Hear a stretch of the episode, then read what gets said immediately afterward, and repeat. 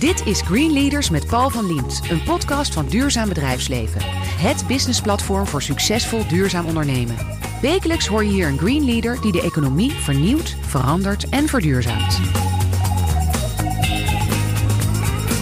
Angelique Laskewits is directeur van VBDO, de Nederlandse Vereniging van Beleggers voor Duurzame Ontwikkeling. Haar hele carrière houdt ze zich bezig met verandermanagement. En dat sluit goed aan bij haar vereniging. Want duurzaam beleggen mainstream maken is het doel. Welkom Angelique. Goedemorgen. Ja, er luisteren veel mensen met verschillende achtergronden die denken waarom juist de financiële sector, waarom moet die juist een belangrijke rol spelen bij de verduurzaming? Mooie vraag. Ja, ik vind de financiële sector een hele belangrijke sector in het uh, verduurzamen. Um, werk eigenlijk al mijn hele leven in de financiële sector en heb het voortgezet nu bij de vereniging uh, als directeur. Um, wij zien toch de grote kapitaalstromen als um, ja, heel erg belangrijk en wezenlijk om een uh, verandering te bereiken. De vereniging bestaat bijna 25 jaar en uh, is ook begonnen vanuit die gedachte. Dus wat wij graag willen is de verduurzaming van de kapitaalmarkt. En dat klinkt heel hoog over. Ik wou net zeggen, ja, de verduurzaming van de kapitaalmarkt. Wat klinkt, bedoel je daar precies mee? We gaan het duidelijk maken. Wat we willen. Nou, wil is jij de, toch? Ik ga Ik dat wou helemaal- zeggen, ja, ja zeker. Ja. Oh, ja. De, wat we willen is dat uh, de bedrijven, de, daar waar natuurlijk in geïnvesteerd wordt, dat die duurzamer uh, gedrag uh, laten zien. Um, daar is eigenlijk de vereniging uit ontstaan. We noemen dat het zogenaamde engagement verhaal. Ja. En wij stellen elk jaar weer vragen op de aandeelhoudersvergaderingen over het duurzame beleid van de bedrijven. En wat maar mag ik wel een paar echt voorbeelden van die vragen? Wat voor vragen komen daar naar voren? Want dat zijn toch de lastige vragen voor sommigen. Dat zijn hele lastige vragen en sommigen zien ons liever gaan dan komen, maar de meeste waarderen het toch wel heel erg. Um, nou, dan moet je bedenken dat we eigenlijk drie thema's hebben. We volgen het zogenaamde ESG-verhaal, dus Environment, Social and Governance. Altijd een vraag over milieu. Ja. En we hebben gekozen met de leden voor het thema klimaatadaptatie. Mhm. Zo van ja, iedereen is al heel erg druk bezig met het klimaatmitigatie. Of zou dat moeten zijn? Is Ja. het nog niet altijd. Maar wij kijken heel erg naar wat zijn eigenlijk de gevolgen. En hoe breng je dat in kaart van jouw bedrijf? En wat is de. Nou, dus een enorme impact. We weten dat vanuit verzekeraarszijde. Ja. Dat de schadelast bijna niet meer te dragen is. En uh, nou ja, hoe ga je daar dan mee om? Dus die vragen stellen we. En dat doen we eigenlijk ook voor social. Dus wat, wat is een leefbaar loon? Daar vragen we ook naar. We Ja. hebben dit jaar vier keer gevraagd van wat is dat eigenlijk? Maar ook hoe ga je met eh, de mensen om? eh, op Ja. het verschrikkelijke woord de werkvloer. Hoe dat gaat. Ja. De onderlinge verhoudingen spelen ook een rol. Ja, en we kijken uh, en we houden dan eigenlijk per drie jaar een overzicht bij van hoe is dat nou eigenlijk die voortgang bij de bedrijven? Gaan Ja. ze nou werkelijk zo'n leefbaar loon voor eigen medewerkers doen, ook voor hun hele leveranciersketen of niet? En we vragen, en dat is wel het meest belangrijke, ook om commitments. Van wat ga je nou echt doen? Ja. Want anders dan staan we er alleen maar vragen te Ja, stellen. dat vraag je dan wel. Wat ga je Ja. echt doen? Maar zijn ze daarop Ja. af te rekenen dan? Ja, want dan gaan we er gewoon de volgende keer weer een vraag over stellen. Als ze dat niet hebben gedaan wat ze wel beloofd hebben. En dat wordt niet als heel erg, uh, ja, dat, dat is dat toch wel confronterend. Nee, dat is onprettig. Ja. Maar eh, dan kun je denken, nou dat neem ik dan maar voor lief en zo. Dan kan ik lekker de regels aan mijn laars lappen. En eh, laat Angelique maar weer komen over drie jaar. Dan zijn we er weer nee. voorlopig vanaf. Ja, we doen dat op jaarbasis en we leggen het over na drie jaar vast. En we zien elke keer voortgang. En we zien dus ook echt de impact. Zien, we, zijn, zien wij niet alleen als VBDO. Wordt ook zelfs bijgehouden door een aantal universiteiten. Van wat is nou de impact? En die impact is er. En daar zijn we ook heel erg blij Ja. mee. Want anders heeft het geen enkele zin. En dan de laatste, de, G- de G, de governance. Ja, we hebben gekozen voor in hoeverre zijn bedrijven bezig met uh, het bereiken van de duurzame ontwikkelingsdoelen. Voor uh, het jargon zijn dat de SDG's, dus de Sustainable Development Goals. Ja. Um, die zijn opgesteld door de Verenigde Naties. Um, nou, wat we daar zien is dat er wel aan gewerkt wordt, maar dat bedrijven het nog heel erg lastig vinden om dat echt te implementeren. Waarom vinden ze het lastig? Omdat het soms al heel erg lijkt op wat ze hebben aan duurzaamheidsinitiatieven. En ze dan een beetje aan het bedenken zijn van ja, hoe gaan we dit nou framen wat we al hebben. Dus wat nou ja, ik moet je eerlijk zeggen, wat je nu zegt is ook uh, vanuit die bedrijven gesproken ook logisch natuurlijk. Het is, uh, je wil daar aan denken, hoe kom je er zo makkelijk mogelijk vanaf. Maar aan de andere kant, als je het zo goed mogelijk wil doen, is het ook ingewikkeld natuurlijk. is ingewikkeld omdat we ook zien dat er nu een enorme, en dat is ergens heel mooi, maar dat er heel veel groeperingen nu bezig zijn met duurzaamheid. Want de druk is niet alleen vanuit VBDO, maar is er ook vanuit NGO's natuurlijk Ja. al lange tijd. Is er ook vanuit de consument, laten we eerlijk zijn. En is er ook. Nou, laten we eerlijk zijn. Ja, ik bedoel, ja zeker. Ja, die hebben, Waarom zouden we het niet eerlijk zijn? Nee, maar nou, we zien, we zien, en dat is wel een beetje vreemd, niet dat consumenten daar heel graag mee geconfronteerd worden. Ik heb er wel onderzoek naar gedaan, ook maar in, in mijn zin? tijd. Nou, dat ze niet bereid zijn dat als je bij een verzekeraar of bank werkt, dat ze dan aangesproken worden. Of dat ze dat in ja, een, een soort verband zien met wat doet die verzekeraar nu eigenlijk. En dat was tien jaar geleden helemaal niet zo. En nu zien we dat de consument wel ziet van, oh ja, die verzekeraar waar ik ben, die, die moet ook wel met duurzaamheid iets ja, hebben. Ja, dat bewustzijn is dus enorm toegenomen. Is enorm toegenomen. En wat wij zien is dat, um, want ik was even het verhaal aan het vertellen dat me heel erg richt op dat engagement. Maar wat wij natuurlijk doen om dat ook te bereiken, is gewoon aan de slag met de echte beleggers. Dus met de institutionele beleggers. Nou, daar zijn onze overzichten. Zoals de pensioenfondsen. Ja, zoals pensioenfondsen. Ja. Um, daar hebben we een heel, heel groot um, bereik. Want we hebben daar 50 pensioenfondsen in Nederland uh, bereid gevonden. Die um, ja, altijd maar weer hun uh, questionnaire invullen. Nou, dat is fantastisch. We hadden Ja. dit jaar ook een uh, 100% respons rate. Dus dat, daar ben ik ze dankbaar voor. Um, ja, wat doen we met de pensioenfondsen? We brengen in kaart wat hun houding is ten aanzien van duurzaam beleggen. En dan kijken we naar vier typen criteria. Van wat is de governance? Wat zijn nou hun policies? Dus hebben ze een verantwoord beleggingsbeleid? Ja. Communiceren ze ook met de deelnemers? Nou, Ja. iedereen is deelnemer bij een pensioenfonds bijna in Nederland. Kan dat ook beter? Of wordt er überhaupt helemaal niet gesproken over duurzaam beleggen? Welke, en dat meest belangrijke vinden wij dan altijd in hoeverre implementeren ze nou daadwerkelijk al die En wat is er gebeurd? Want ik bedoel, dat vind ik dan belangrijk om te weten. Is er echt, echt iets daadwerkelijk veranderd in, laten we zeggen, tien jaar tijd? Ja, want wij, um, want de tijdspannen van 1, 2 jaar, dat is niets. Maar als wij Nee. terugkijken, en ik kan dat heel goed beoordelen, ook voor de verzekeraars, want daar ben ik mee begonnen. Dat is net zo'n type benchmark. Dan is er zeker wat veranderd. En dat is uh, heel mooi om te zien. Want sommige mensen zeggen wel eens, ja, er gebeurt zo weinig. Dat is niet waar. Maar wat Er is er dan veranderd? Dat we toch een toename zien van het aantal duurzame beleggingen. En dan, toen waren er nog niet convenanten zelfs, maar we zien toch door de jaren heen dat al die partijen ermee bezig zijn, ook vanuit gedragscode. Maar dan gaat het over echte duurzaamheid. Dus als je net Ja. omschreven hebt, geen greenwashing, echte duurzaamheid. nee, ik vind het wel ja. mooi dat je zegt, want dat, is- dat is natuurlijk wel een verhaal. Ah, we vinden dat er zo weinig verandert. En dat is het voor. Je bent nog heel jong, hè, maar het voordeel van ouder worden is natuurlijk wel dat je ziet, of iets, iets langer meegaan, dat het inderdaad langzaam gaat. Altijd een verschrikkelijke boodschap, toch als je jong bent, of als je activistisch bent, of als je echt wat wil voor anderen. Ja. Wat zeg je tegen die mensen? Het gaat inderdaad langzaam. Maar ja, hoe zeg je dat op een prettige manier? Klinkt wij zeggen lekker. altijd, nou ik laat wel de impact zien. En dat doen wij dus ook met die Ja. rapportages. Van ook wat er weer beter is gegaan. Dat we niet alleen maar constateren wat er iedere keer dan weer nog beter moet. Maar ook wat er beter is gegaan. Eh, voor dit jaar konden we gewoon vaststellen dat bijvoorbeeld de pensioenfondsen in Nederland toch veel meer ertoe overgaan om duurzaamheidsdoelstellingen op te nemen. Ja. En, dat, en daarmee bedoelen wij de langere termijn doelstellingen. Ja, dus dat is wel iets wat um, je mag verwachten van een pensioenfonds. Maar dat was vorig jaar nog maar voor 50% zo. En nu is dat dan voor 62%. Ja. Maar hoe komt dat? Ik bedoel, ze liggen natuurlijk maatschappelijk onder het vergrootglas. Dat scheelt een stuk. Is dat de belangrijkste reden? Ja, um, ik denk dat um, het deel wordt uh, maar deel verklaard misschien door capaciteit, deel verklaard door problemen sowieso rondom pensioenakkoord en hoe moet het stelsel eruit zien. Um, een deel door regeldruk, ook vanuit de overheid, ook vanuit Europa. Laten we dat ook niet vergeten. Ja. Er moet steeds meer. En dan is er nog de vraag, ja, hoe passen we dat duurzaam beleggingsbeleid daarin? En dan moet een bestuur daarover iets beslissen. Nou, die besturen zijn ook divers samengesteld, inclusief Ja. vakbonden. Dus dat is niet een homogeen besluit meteen. Dat is niet een homogene club. Dat duurt even. En dat duurt even. En dat zien we dan bij verzekeraars. Dat is natuurlijk weer iets anders van samenstelling.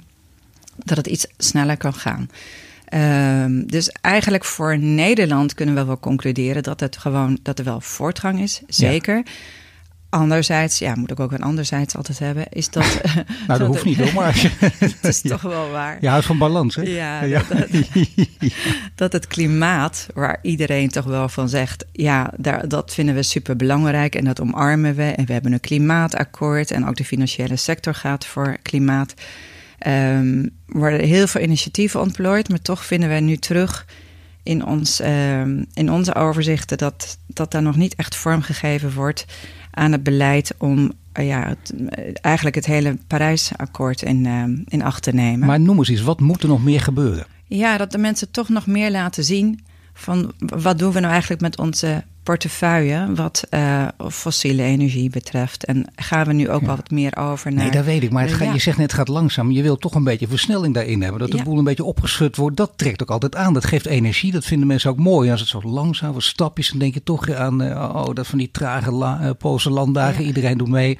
Duurt 40 jaar, het zou mijn tijd wel duren. Dat moet je niet hebben. Er moet een urgentie op zitten. Ja, ja, en dat is dus het lastige bij pensioenfondsen, zeker. Want die nemen vrij over het algemeen niet heel snel de besluiten. Er, zit ook, er zijn ook hele belangrijke afwegingen. Iedereen zit ook, het is ook een hele grote doelgroep. Dat mag ook, jij vindt dat ook logisch. Dat, kan, dat moeten we gewoon in acht nemen. Um, ik vind het ergens wel logisch. En, um, maar, en wat ik ook goed vind, is dat we toch de verandering zien. En dan de verandering zien we bij de grootste pensioenfondsen.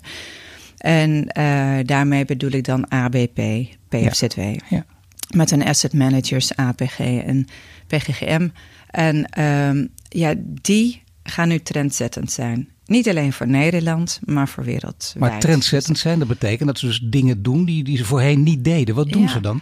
Nou, als ik het voorbeeld kan geven voor ABP bijvoorbeeld, is Corine Wortman echt heel erg goed bezig om met een grote groep stakeholders te kijken van hoe gaan we dat dan vormgeven? Ook voor SDG's. En dat is echt heel erg mooi. Ja, wij spraken haar ook ja. in, in, in de, deze reeks. Uh, dat is dus een voorloper. Heeft het te maken ook met. Dat het niet, je moet niet valse, uh, valse bescheidenheid vragen hiernaar. Heeft het ook met jullie druk te maken of speelt het geen enkele rol? is het vooral de Europese regelgeving en de maatschappelijke druk en het vergrootglas? Nee, het is, zeker de druk. Want wij, wij, wij komen ieder jaar weer terug. dat houdt ook niet ja. op. Volgend jaar ja, zijn, zijn ze weer. weer. ja. Uh, dus nee, dat heeft wel zeker effect. En zeker na 13 jaar. Wat wij ook doen, en dat is niet dus alleen dat we kijken naar wat staat er op de website. We hebben ook echt consultaties met al die pensioenfondsen. En dat maakt waarschijnlijk ook wel dat het een nou ja, succes te noemen is. Um, ze weten waar ze aan toe zijn. Ze weten waar ze aan toe zijn. Wij vragen iedere keer weer wat zouden we nu nog moeten doen, ook aan vraagstellingen, om het weer ja, op een hoger plan te brengen. Hoe leggen we de lat weer hoger voor jullie? En um, dat is, ja, dat is altijd weer een kwestie van tijd. Want die verandering kan je niet in één keer bereiken. Dus dat gaat stap voor stap.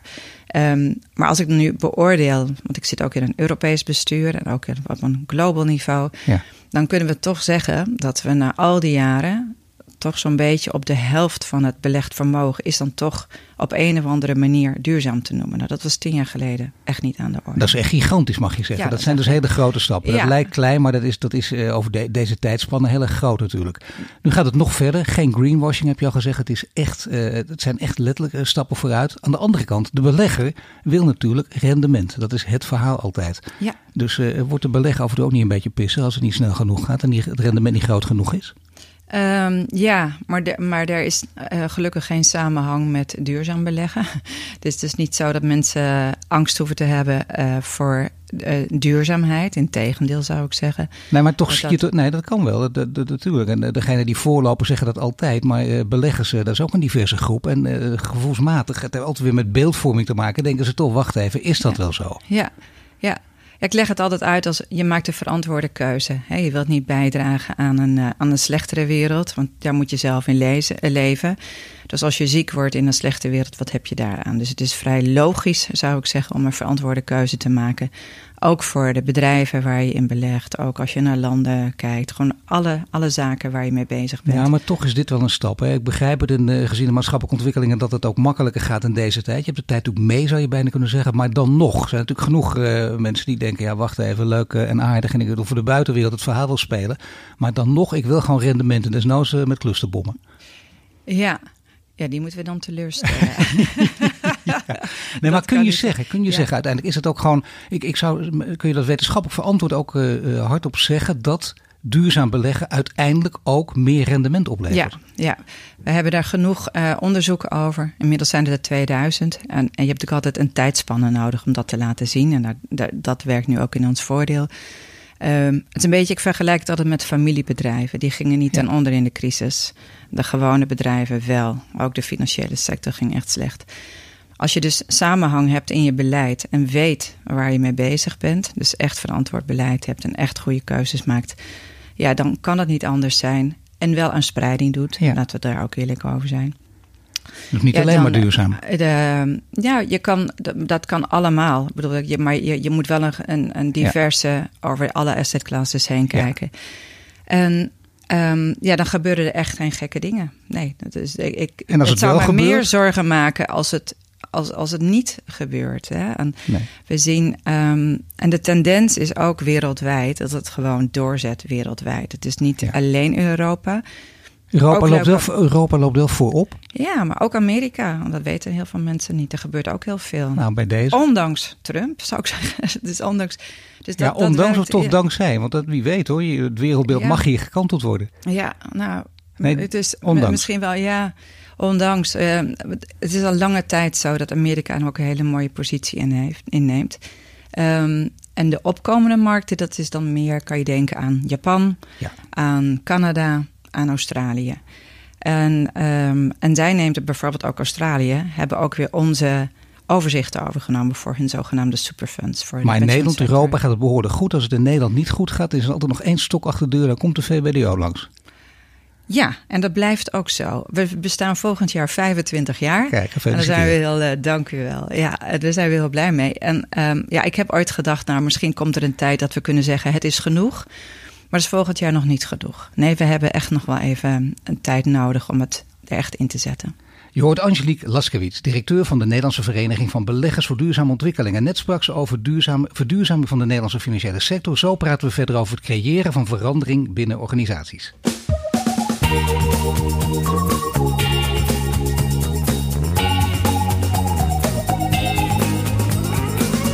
Bij mij in de studio staat Angelique Laskewitz. Net spraken we over de manier waarop VBDO bijdraagt aan duurzame ontwikkelingen binnen de financiële sector. Nu praten we verder over veranderingen binnen organisaties zelf en de rol die persoonlijk leiderschap daarbij speelt. Uh, je hebt een eh, LinkedIn-profiel, daar staat dat je goed bent in verandermanagement. Dat is een belangrijke. Maar wat houdt er precies in, dat verandermanagement? De laatste tijd ook enorm in opkomsten en ook uh, in aandacht gegroeid. Ja, um, ja, voor mij wil het eigenlijk alleen maar zeggen dat het um, duidelijk moet zijn voor mensen, ook in het kader van duurzaamheid, waarom dat dan zo nodig zou moeten. Um, en dat we dus ook echt voorkomen dat we in de greenwashing belanden. Ja. Maar ook dat je de mensen, uh, welke verandering het ook is, het kan ook een verhuizing zijn van een kantoorlocatie, wel meeneemt in die veranderingen. En daar heel duidelijk over bent waar we dan ook eindelijk gaan eindigen. Nee, natuurlijk. Maar je weet, we weten allemaal, denk uit, uit eh, de wetenschap ook van het verandermanagement, hoe lastig het is om te veranderen. Ook mensen die het van zichzelf denken. Je hebt altijd voorlopers en uitzonderingen. Maar de meeste mensen willen toch eigenlijk uh, houden wat ze hebben. Niet te veel verandering. Zeker als ze ouder worden. Zeker, ja. Er wordt altijd gezegd dat, dat, dat jongeren dat dan zo makkelijk zouden vinden. Nou, volgens mij is dat ook niet zo.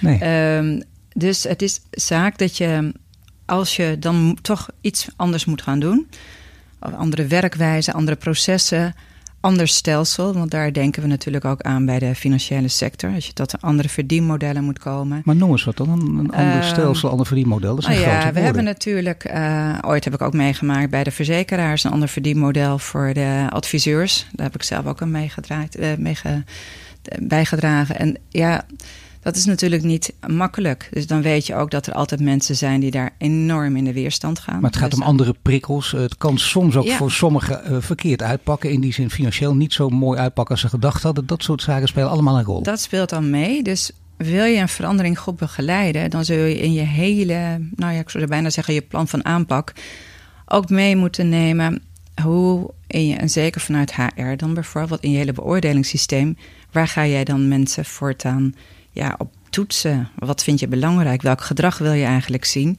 Want dat wordt heel vaak vergeten. En dat is naar mijn mening ook waarom het met duurzaamheid dat het zo moeilijk gaat.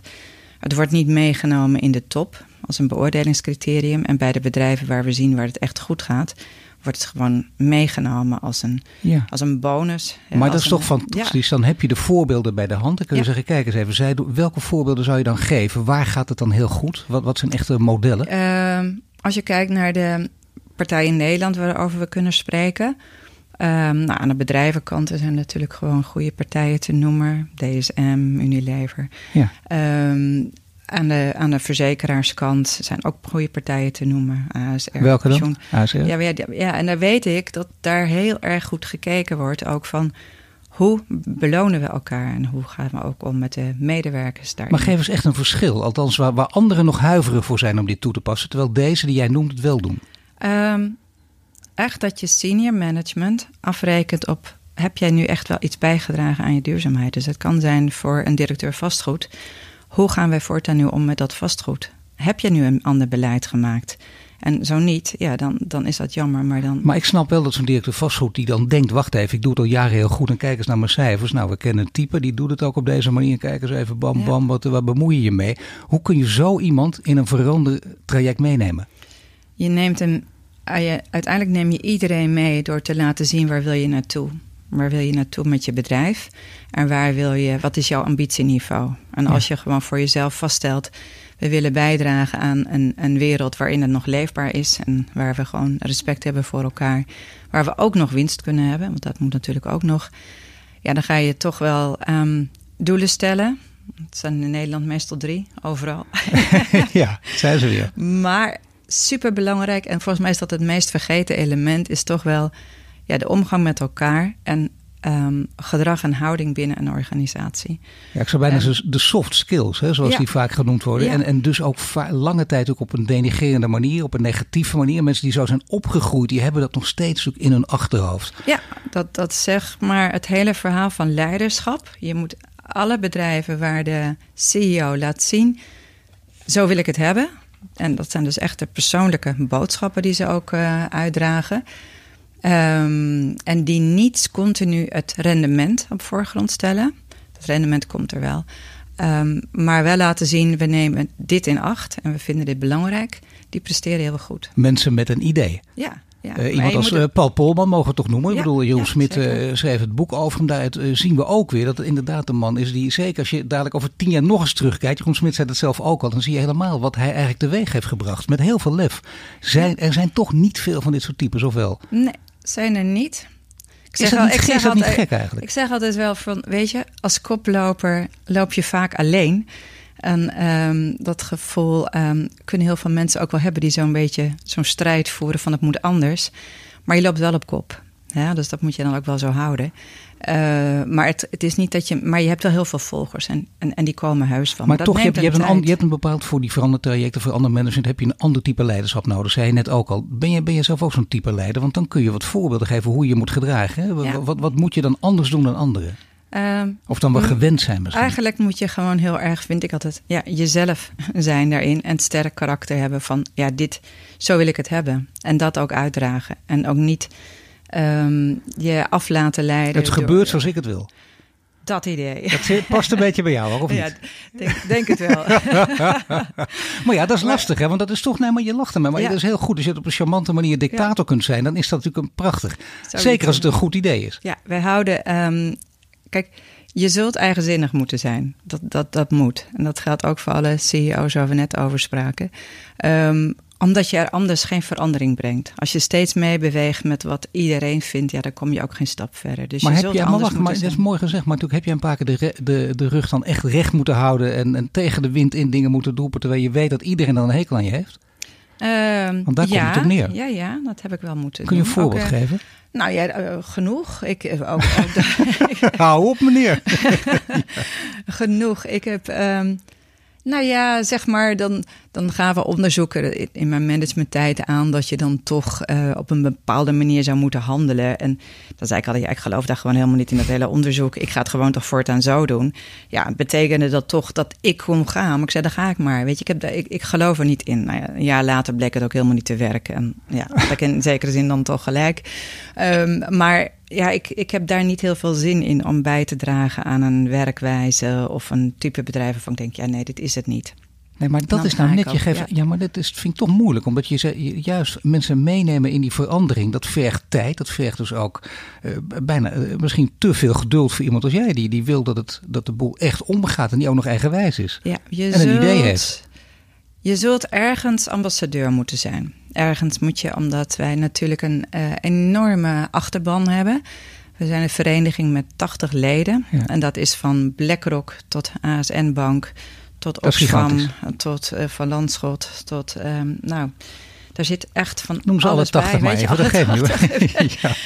Alle verzekeraars, banken, brancheverenigingen. Hè? Dus dat, dat is heel veel. En wij noemen het altijd maar, ja, dat, zijn de, dat is de multi-stakeholder benadering van ons.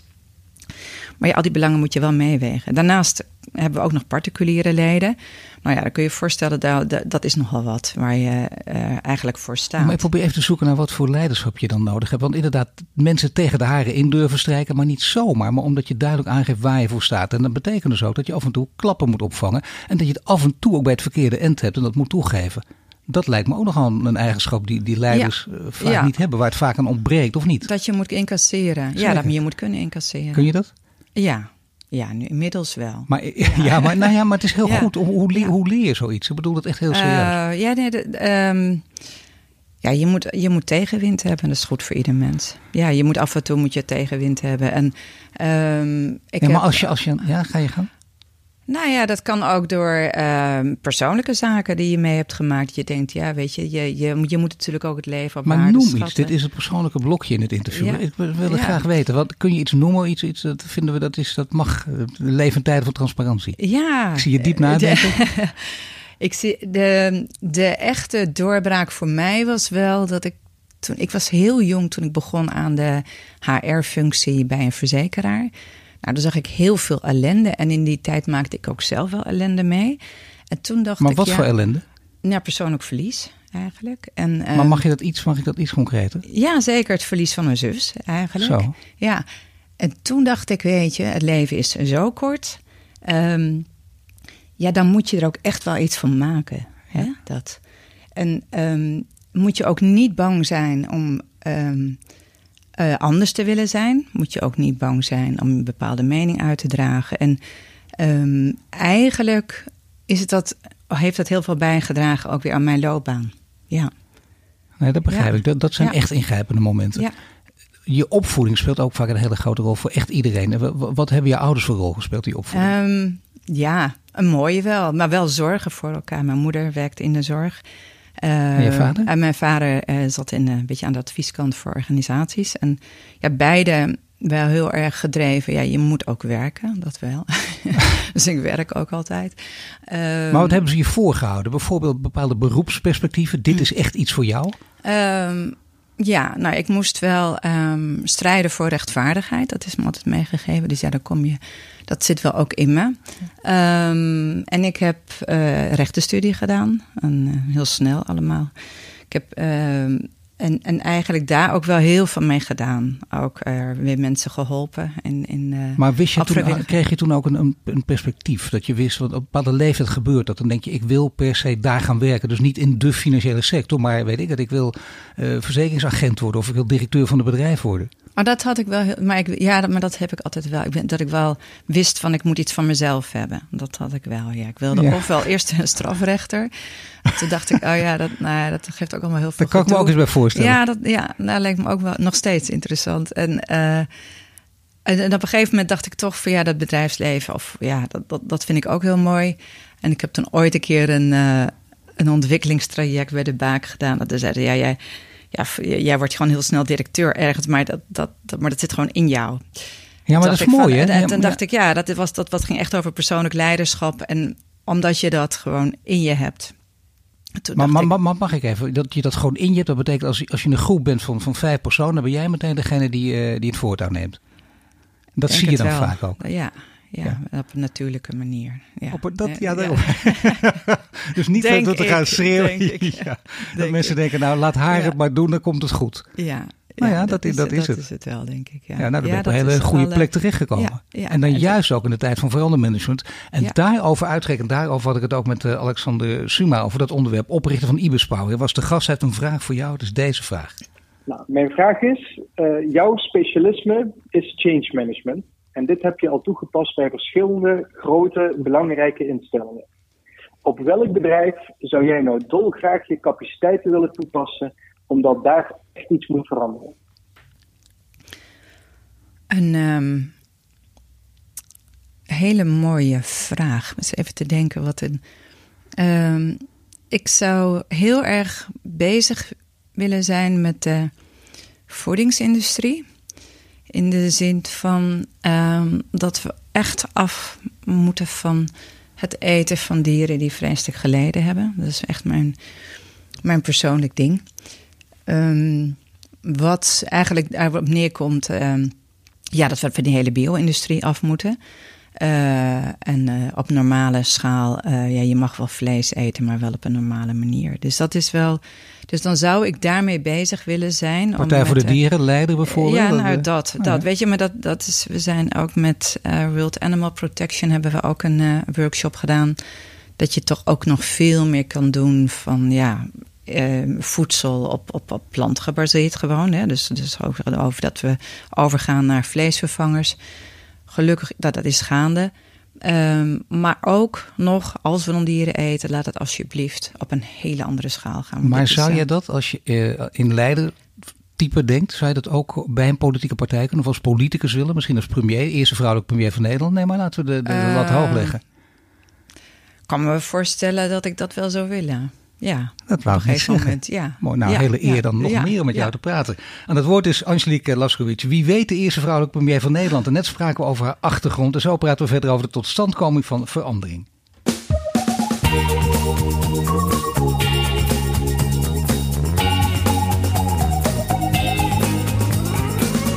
Bij mij in de studio Angelique Laskewits. Net spraken we over haar carrière waarin verandering de rode draad vormt. En nu praten we verder over verandering in de financiële sector en natuurlijk daarbuiten. Je had een rotsvast vertrouwen in de stabiliteit van de Nederlandse financiële sector. Daar een tijd in gewerkt. Maar in 2007, 2008 toen kwam er een echte klap. Je werkte ook bij Fortis en daar gingen toen uh, tijdens de financiële crisis echt alle alarmknoppen aan. En die, uh, die gingen niet voor niks aan. Want de koers ging enorm omlaag. Uh, nou, dat leidde tot enorme, ja, die enorme koers leidde tot enorme lage rendementen en zo. En ze bleven bijna niets van over. Ook persoonlijk heb je daar schade van ondervonden of niet? Ja. Financiële schade. Jazeker, heel erg. Um, het was echt wel zo'n, um, ik heb er wel eens eerder iets over gezegd, het was zo'n kantelpunt. Uh, voor mezelf, omdat je altijd denkt dat bij de financiële sector het wel los zou lopen, dat het wel goed zou gaan. In die tijd had iedereen werkelijk rotsvast vertrouwen in Fortis. Um, zelf had ik daar natuurlijk mijn baan. Je hebt je hypotheek, alles ja, is daar ja. natuurlijk. Um, dus ja, voor mijzelf uh, persoonlijk verlies, omdat we ook heel veel aandelen hadden. Ja, dus dat is in één weekend dan weg. Maar dat wil zeggen, als het dan gaat in termen van geld, om hoeveel geld gaat het dan? Nou, veel. Ja. Maar niet om een paar tientjes, maar om tonnen of miljoenen? Niet miljoenen. Maar, maar wel, wel, tonnen? Wel, ja, wel veel. Ja, dus nou ja, nee, maar goed, dan, dan, dan geeft dat tenminste een idee. Dan denk ja. je zo, dat is echt een klap, ja. ja dan moet je ook je leven gaan aanpassen. Ja, en, en, en dat is eigenlijk wel iets waarvan uh, ik vind dat in die tijd wat onderbelicht is geweest. Zo van ja, dan moet je maar niet beleggen, want dat is het risico. Ja, dat werd geroepen, ja. Ja, en um, dat vond ik wat makkelijk. Nou, inmiddels is die hele claimafhandeling nog bezig voor de Fortis-aandeelhouders. Dat wordt allemaal geleid door de VEB.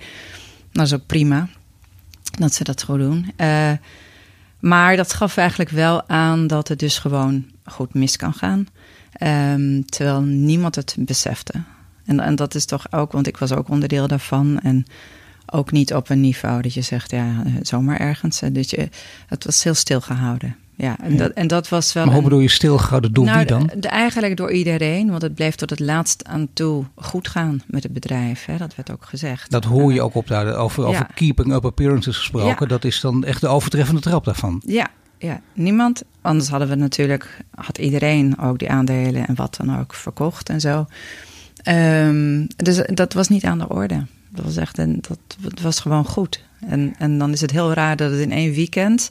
Ja. Dan zo, en, en dan moesten we op maandag naar kantoor en horen hoe het zat. In een hele ontreddende situatie. Uh, waarbij iedereen ook zat, ja, hoe moet het nu verder? Dat je dan echt toch wel even een, uh, een klap krijgt.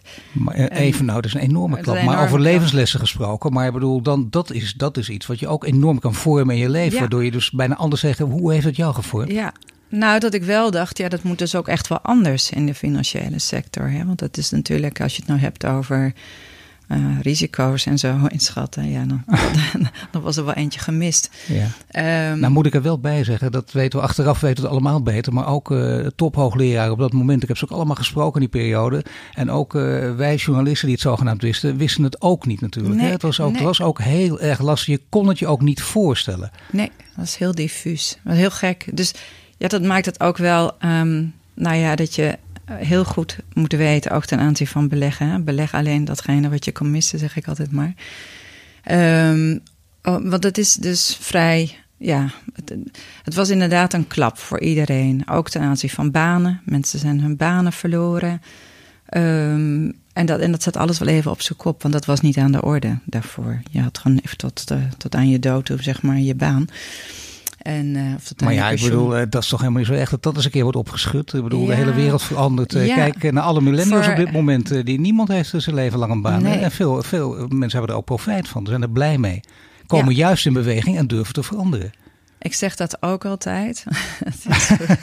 nou, ja. Maar uh, voor heel veel mensen, die, die zoeken daar toch wel in de sector, die, die zoeken juist zekerheid. En juist die mensen zitten in de financiële sector. Dat bedoel dus, ik, dat bedoel ja. ik. Is dat toch niet het, het verhaal waar ik mij ook altijd over verbaasd heb, langzaam dat wel begrepen heb, maar toch, uh, de financiële sector houdt niet van veranderingen, wil zekerheid, wil veiligheid. Ja, ja dat zijn ook niet bepaald termen, waar moeten ze misschien iets meer van af, of niet? Kijk, ik denk niet dat ze er van af moeten. Laten ze niet te veel ondernemers spelen. Dat zeg nee, ik altijd dat maar. Niet. Nee. Um, dat mogen de bedrijven doen. Maar daar zie je natuurlijk veel meer dynamiek. En die krijgen ook echt de klappen voortdurend. En die voelen ook de veranderingen meteen. Ja, en dat elt natuurlijk veel langer na bij een financiële sector. Die, die kunnen heel lang teren op alle premies die ontvangen zijn. Dus daar hebben alle beleggingsafdelingen... Ja, die maken eigenlijk de verzekeraars en, en banken en ook ja, die, die maken dat eigenlijk. En niet zozeer, die, dus die voelen niet zo heel snel, zeg maar, de verschillen in de, in de conjunctuur. Nee. En, en dat is iets wat natuurlijk bij de ondernemingen waar we komen, dus een heel andere dynamiek. Want die moeten voortdurend alles aanpassen. Tuurlijk, maar er is wel in goede zin veel ja. veranderd, zeker in Nederland. En zeker ja. als het gaat, uh, als, als we de financiële sector bezien op het gebied van duurzaamheid. En dat, dat gewoon wereldwijd bekijken, dan mag je zeggen, hè, of, of, of onderschrijf je dat ook, dat het daar Zeker, altijd, zeker. ietsje beter gaat dan gemiddeld. Maar eh, tuurlijk kan het altijd nog veel beter. En vooral als we kijken naar uh, grote, uh, grote ontwikkelingsbanken, FMO, met al die projecten. Uh, ze financieren waar milieuschade, landroof, soms zelfs moorden plaatsvinden. Die bedrijven financieren ze. De staat is 51% aandeelhouder. dat is wel raar natuurlijk. Hè? Dat nieuws kwam onlangs via trouw naar buiten. Ja, ja, nou ja, dan is dat ook meer de vraag van, is dat, in hoeverre is dat dan weer, daar, daar durf ik op dit moment even niet helemaal voor te zeggen wat er allemaal hoe dat precies zat voor FMO. Nee, niet groot in detail, maar, maar wel uh, toch. Het, ja. het, het, het, is bijna ook weer een, een raar keerpunt wat we niet verwachten. Want het leek nou net allemaal weer de goede kant op te gaan. Ja. Geleerd ja. uit het verleden. Ja, want dat was natuurlijk voor mij, want dat was eigenlijk nog het kantelpunt hè, waar je net ook op doelde voor, voor Fortis echt wel reden om te zeggen: ik ga me echt met die duurzaamheid meer bezighouden. We moeten dat doen, of dat nou via de toezichthoudende kant is, of vanuit het bedrijf zelf, uh, gedragskant voor medewerkers. Klantenkant, we moeten dat echt anders gaan neerzetten. Ja, FMO, ja, en dus en dan, de staat als, ja. uh, als groot aandeelhouder deed dat, al, uh, deed, het al vaak, deed het al langer. Jij doet het dan sinds heel bewust, laten we zeggen, sinds twaalf jaar. Ja, sinds twaalf jaar, ja. Ja, dus dat is, en dan een FMO doet het al veel langer. Dus dan kun je zeggen, ja, het is heel flauw om daar dan op te, te, te, te richten, je pijlen op te richten. Maar ja, het is wel uh, nieuws wat onlangs naar buiten is gekomen, waar je toch weer even van schrikt, of niet? Um, ja, nou ja, ik heb het andere. Ik, ik heb een ander verhaal gehoord van FMO. Ze zijn ook. Wat is het nou heel graag? Nou ja, zo? goed. Ja, zij hebben het gewoon min of meer. Ja, een beetje. Ja, de details uh, um, kan ik je niet zeggen, maar ze hebben gezegd dat het echt wel wat strak neergezet is door, uh, door trouw. En dat het toch de, de werkelijkheid anders ja. in elkaar zat. Dus, uh, nee, dat omdat er ook hoogleraren werden bijgehaald, maar altijd weer ja. één dezelfde. Inderdaad, Hoebink, die dan zegt: hij moet heel, dit moet totaal veranderen. Alle projecten ja. moeten loep worden genomen. Dat krijgt nog een staartje en dat kan misschien ten goede keren. Ja, ik, uh, wat mij betreft wel. Ja, dat zal dan ook even moeten, want als deze reputatie er nu zo ligt, ja, dan moet je natuurlijk altijd wat mee als, uh, als FMO ook. Uh, ik weet zeker dat ze zijn, ze zijn daarmee bezig. Ja. Ik denk als ik, als ik jouw verhaal tot nu toe uh, hoor en beluister... en, en ook kijk naar wat ik uh, allemaal over je gelezen heb... dan denk ik dat het volkomen logisch is dat je deze rol inneemt over duurzaamheid. Wat er in je leven gebeurt is dat je het ook echt omarmt... en dat mensen om je heen dat dus ook merken. Het is niet een verhaal van, oh, er wordt even iemand neergezet... en die komt er een klusje klaar. Het zit gewoon helemaal in je, een beetje lelijk Nederlands... altijd een beetje vind ik, maar het, is, het zit helemaal in je DNA. Mm -hmm. En dat werkt natuurlijk ontzettend. Hoe bewaar je dan toch je geduld? Want uh, dat merk ik ook. Hè? Je kunt het gewoon. Of kost het je heel veel moeite om, om niet met grotere stappen vooruit te gaan? Um, nee, omdat je natuurlijk ook waar wij over spreken, dat zijn toch wel hele grote stromen geld. Dus ik denk altijd maar weer, nou ja, alles is meegenomen. Dat is de eerste. Dat is heel erg pragmatisch misschien. Ehm, maar het geeft natuurlijk ook een heel goed gevoel. Ja, je kan natuurlijk verschillende ingangen kiezen. Je kan ook bij een, een kleinere onderneming gaan werken en echt aan de slag gaan met een mooi product. Is ook heel erg mooi. Maar ik heb toch wel zoiets voor dat hele grote netwerk met al die partijen die toch wel welwillend zijn ja, dat geeft een heel goed gevoel. Het zijn natuurlijk heel veel partijen. Je hebt ze net genoemd. Niet alle tachtig. Hoewel dit een podcast is waarin het dus wel zou kunnen. Maar dat gaan we niet doen. we hebben gewoon wel een beeld dat er heel veel is. Maar je bent uiteindelijk een, een brancheorganisatie. Ja. Ja. En nou weten we van brancheorganisatie dat ze uiteindelijk ook niet al te veel te zeggen hebben. Ja, kijk, we zeggen ook altijd, ook bij het, um, het verhaal als wij onze vragen stellen, wij stellen ze echt namens VPDO. We stellen ze niet namens de hele branche. Het geeft ons ook de vrijheid om echt door te vragen. Ja. En we stellen ook vragen bij de partijen die natuurlijk gewoon lid zijn. Dus we stellen ook vragen bij de verzekeraars die bij ons lid zijn, bij de financiële sector, ook bij ING. Um, en dat maakt het soms ook wel gek ja, voor ons, omdat je natuurlijk bij je eigen leden kritische vragen stelt. En toch willen ze dat allemaal. Dus, ja. ja nee, ik begrijp het. Dat geeft je vrijheid. Ja, dat geeft wel de vrijheid. Dus we hebben niet het model gekozen dat wij staan um, de vragen stellen namens de partijen die bij ons zijn. Dat zou ook kunnen. maar dus je kunt wel vanuit die rol heel goed naar anderen kijken, nog kritischer zijn. Zie je dan dat het heel belangrijk is als je echt wil veranderen, dat het echt van binnenuit komt? Of denk je dat het ook op een wat technische manier kan? Dat iemand die misschien van zichzelf denkt, ik wil het niet, maar denkt, oké, ik verander, het komt niet helemaal van binnen, maar ik begrijp het wel. Is dat net zo goed of is het van een andere orde? Wel van een andere orde. Het gaat minder snel. Maar ja, we zien, we zien dat gebeuren. Kijk, je ziet bij de, bij de. Ja, ik zeg altijd maar, je hebt hele inactieve organisaties, een beetje reactief. En je hebt de proactieve en zeg maar, nou ja, de Unilevers, DSM, die zitten echt in het hele maatschappelijke veld. En die gaan de dialoog aan met ons over hoe zouden we het gehad willen hebben. Ja, daar is echt nog niet iedereen. De meeste uh, partijen, en dan spreek ik ook over hele branches, over accountants en, en actuarissen, die zitten natuurlijk toch, dat zijn volgers in principe. het verhaal van. Ook de Big Four, de grote, dat zijn echt nog steeds de volgers. volgers. Ja, dat, dat, af en toe wordt het gezegd te zijn de, de accountants redden de wereld. Nou, de accountants doen hele mooie dingen. Helemaal, helemaal prima. Maar dat zijn niet de veranderaars. Nee, maar het zijn wel hele grote partijen. Die zou je dus wel, wat, wat, zou je kunnen doen om ze te prikkelen? Uh, accountants worden momenteel meegenomen in het verhaal over duurzaamheid. In de waarderingen-sector, of in de waarderingsregels. Uh, dat we toe zouden moeten naar andere waarderingen. Dus niet alleen naar financiële waarden maar dat je ook, en daar hebben wij een gids over geschreven, over hoe waardeer je nou natuurlijk kapitaal. Uh, en ook human capital. Dus je eigenlijk veel meer komt tot wat, wat kost nou eigenlijk, uh, hè, wat, is je bedrijf nou echt waard en wat, nou ja, wat, wat schaadt het eigenlijk ook? Dus wat is de impact van je bedrijf? Wat zijn je afhankelijkheden? Dus dat je een reëlere bedrijfswaarde ook uh, kan maken. Ja, nou ja, voordat we daar zijn, daar zijn we, daar zijn we niet zomaar. Maar daar worden nu wel al de gedachten over gevormd dat we die kant op moeten. maar in welke zin worden, wat bedoel je daarmee? De gedachten uh, nou, om te komen dat ook de accountants anders gaan denken. Maar de opleidingen tot dusver zijn nog super klassiek. Heeft het met de opleiding te maken of heeft het misschien wel te maken met de ehm, samenstelling van de boardroom? Uh, ja, dat zijn nog allemaal mensen, dat zijn nog zeg maar de klassiek denkenden. Zeker. En, de, en, die, uh, en een enkeling die daar zeg maar voor gaat om dat te veranderen. Nou, dat is altijd moeilijk. Hè? Dus uh, als het er maar één is, gaat dat ook niet lukken. Nou, dan moet het een hele krachtige figuur zijn... die ook op een hele slimme manier mensen die zou voor jou een lesje mogen hebben. Want je ziet in de praktijk dat het kan. Het kan. Hè? Dus we, we, zijn, er is nu een groep bezig om ook die accountantsopleidingen te gaan veranderen. Want als je niet bij de jonge mensen begint en duidelijk maakt van hoe kan het ook... hebben zij geen idee... Nou, de, en dat zou al een hele mooie eerste set zijn. Hè? Vanuit de Nederlandse bank is er ook een hele opleidingsunit, zou je kunnen zeggen, die ook de sustainable finance doseert. En dat is prima. Maar die moet natuurlijk door heel Nederland en eigenlijk liever wereldwijd, maar um, de sustainable finance regels leren. En, en dat zou dan dus ook uh, voor onze uh, accountants moeten gelden. Dat moet maar ook... het zou voor iedereen moeten gelden. dus je zou bijna de polarisatie uit de duurzaamheidsbeweging halen. Hoe doe je dat? Want dat is de moeilijkste vraag misschien wel die je kan stellen. Ja. En die kun je ook nooit zomaar beantwoorden. Maar wat zou wel een richting zijn die je, die je kunt aangeven? Um, nou ja, ik denk dat het wel langzamerhand in alle lesmaterialen moet. Ook van, van mbo, hbo, universitair, dat sowieso. En daar is, dat is gaande. En ook jonger nog, dat weet ik, daar wordt ook aan gewerkt. Cynisme moet er ook een beetje uit. En dat helpt natuurlijk wel, denk ik, als je dat van jongs af aan krijgt aangeleerd. Ja, en wat we ook zien is dat, um, en er zijn ook heel veel um, marktonderzoeksbureaus die, die, daarmee bezig zijn, die kijken heel erg naar de gedragscomponent. Van hoe krijg je nou ons in beweging als consument?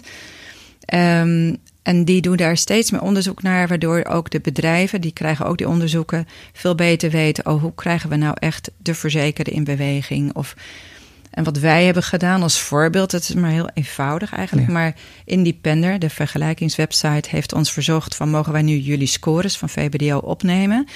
Dus alle mensen die nu hun zorgverzekering um, gaan aanpassen, dit, uh, deze maand, volgende maand, die kunnen dan even aanklikken van, nou, is die verzekeraar nou eigenlijk wel op duurzaam beleggingsvlak op de juiste weg? En dat zijn van die dingen die mensen toch even aan het denken zetten. Nee, dat leek allemaal eh, kleine stapjes. Ik zou bijna zeggen, als je dit tien jaar geleden zou zeggen, dan zou het worden weggehoond. En nu begrijpt iedereen dat dit echt een serieuze ja, rol speelt. En dan heb je dus ook een stem als, um, als consument. Um, en dat vind ik eigenlijk wel het allerbelangrijkste, dat je zelf ook vorm kunt geven. Want we kunnen wel blijven wijzen. Pensioenfondsen moeten doen, verzekeraars, die moeten het zeker ook doen met al hun kapitaal. Maar wij hebben als consument ook een stem. Wij, het volk. de macht en het volk. Eindigt toch een beetje marxistisch. Dit, uh, dat hadden we niet verwacht. Hè? maar daar komt het wel op neer.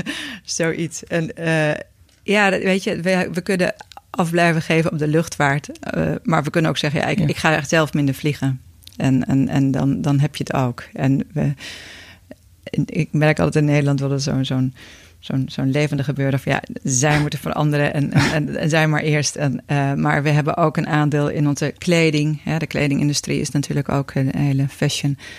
Draagt ook niet meteen bij aan het goede wat uh, milieuvervuiling betreft. En um, ook niet aan sociale omstandigheden. Dus er kan nog zoveel beter. Dus ja, kies zelf ook bewust. Ik dank je. Ja. Ook voor deze laatste wijze les, ja. Angelique. Je luistert naar de Green Leaders podcast van Duurzaam Bedrijfsleven. Volgende week zijn we terug met een nieuwe Green Leader. Dit was de Green Leaders podcast voor deze week. Volg onze website voor meer nieuws over succesvol duurzaam ondernemen. Wil je meer afleveringen luisteren? Abonneer je dan nu via iTunes of Spotify en krijg een melding wanneer er een nieuwe podcast online staat.